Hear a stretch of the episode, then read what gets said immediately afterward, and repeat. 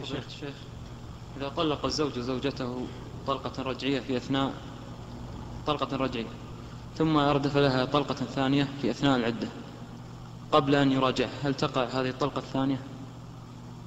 آه، أكثر العلماء على ذلك أي على أنها تقع. الطلقة المرادفة للطلقة تقع.